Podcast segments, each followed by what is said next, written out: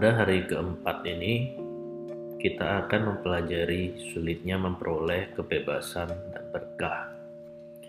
Subjek bab ini diterangkan dalam empat bagian, merenungkan sifat kebebasan, merenungkan berkah khusus yang berhubungan dengan Dharma, merenungkan gambaran bagaimana sulitnya memperoleh kebebasan dan berkah, dan merenungkan dengan perbandingan angka.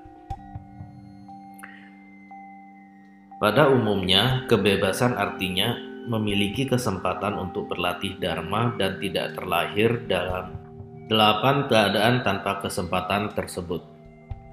Kekurangan kebebasan merujuk pada delapan keadaan di mana tidak ada kesempatan demikian.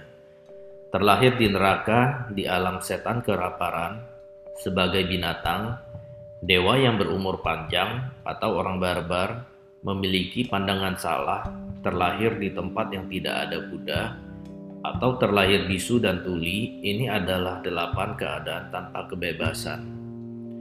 Terlahir di neraka tidak memiliki kesempatan untuk berlatih dharma, sebab mereka terus-menerus disiksa oleh panas dan dingin yang amat berat. Setan lapar tidak memiliki kesempatan untuk berlatih dharma karena mereka senantiasa didera oleh penderitaan rasa haus dan lapar. Binatang tidak memiliki kesempatan untuk berlatih dharma karena mereka diperbudak dan mengalami penderitaan karena serangan binatang lainnya.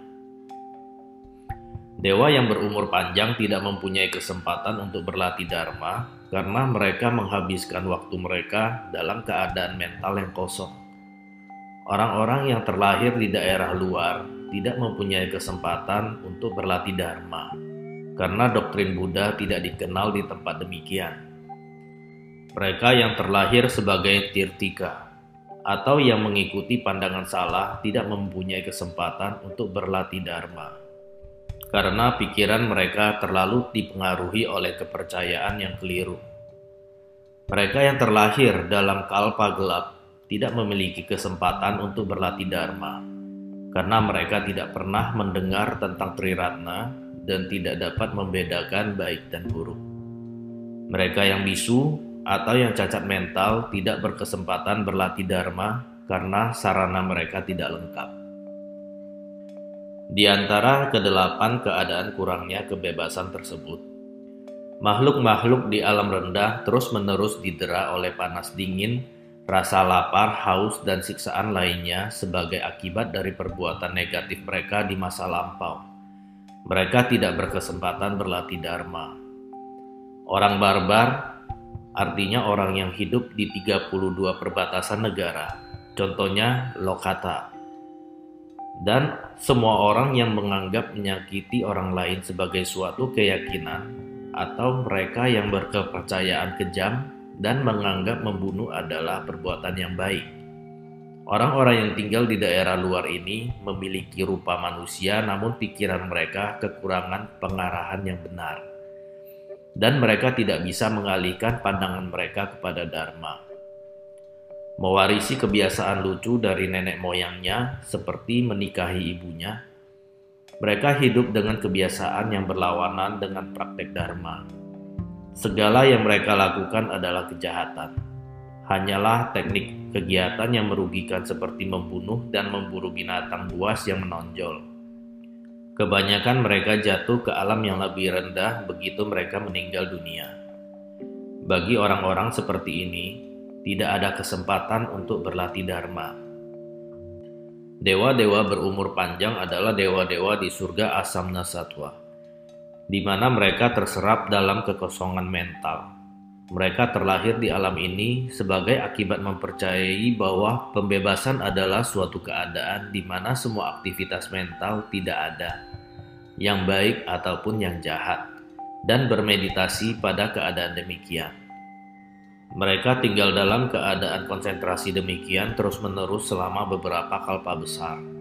Namun, begitu hasil perbuatan lampau yang menyebabkan keadaan demikian berakhir, mereka akan terlahir ke alam yang lebih rendah karena pandangan salah mereka. Mereka juga tidak berkesempatan berlatih dharma. Istilah pandangan salah secara umum mencakup kepercayaan eternalis dan nihilisme, atau suatu pandangan yang berlawanan dengan atau di luar dari ajaran Buddha. Pandangan ini menyesatkan pikiran dan menghalangi seseorang untuk berusaha mencapai dharma yang sejati. Ujung-ujungnya yang bersangkutan tidak akan mempunyai kesempatan untuk melatihnya. Di Tibet, karena adanya Buddha yang kedua, Padmasambhawa dari Udiana, yang mempercayakan perlindungan negeri tersebut kepada 12 Tenma. Kaum Tirtika tidak sanggup menembusnya. Namun seseorang yang pengertiannya seperti Titirka dan yang berlawanan dengan Dharma dan guru yang sejati akan kehilangan kesempatan untuk melatih diri berdasarkan ajaran yang benar. Biksu Sunaksatra menghabiskan waktu 25 tahun sebagai pelayan Buddha. Namun karena ia sama sekali tidak mempunyai keyakinan dan hanya berpegang pada pandangan yang salah, maka akhirnya ia terlahir sebagai setan lapar di taman bunga. Terlahir di kalpa yang gelap berarti terlahir pada masa di mana tidak ada Buddha.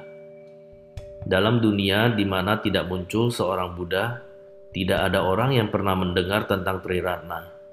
Karena tidak ada Dharma, maka tidak ada kesempatan untuk melatihnya. Pikiran orang yang terlahir bisu dan tuli tidak dapat berfungsi dengan sempurna, sehingga proses mendengarkan ajaran, menjelaskan, dan merenungkan serta melaksanakan ajaran tersebut menjadi terhalang.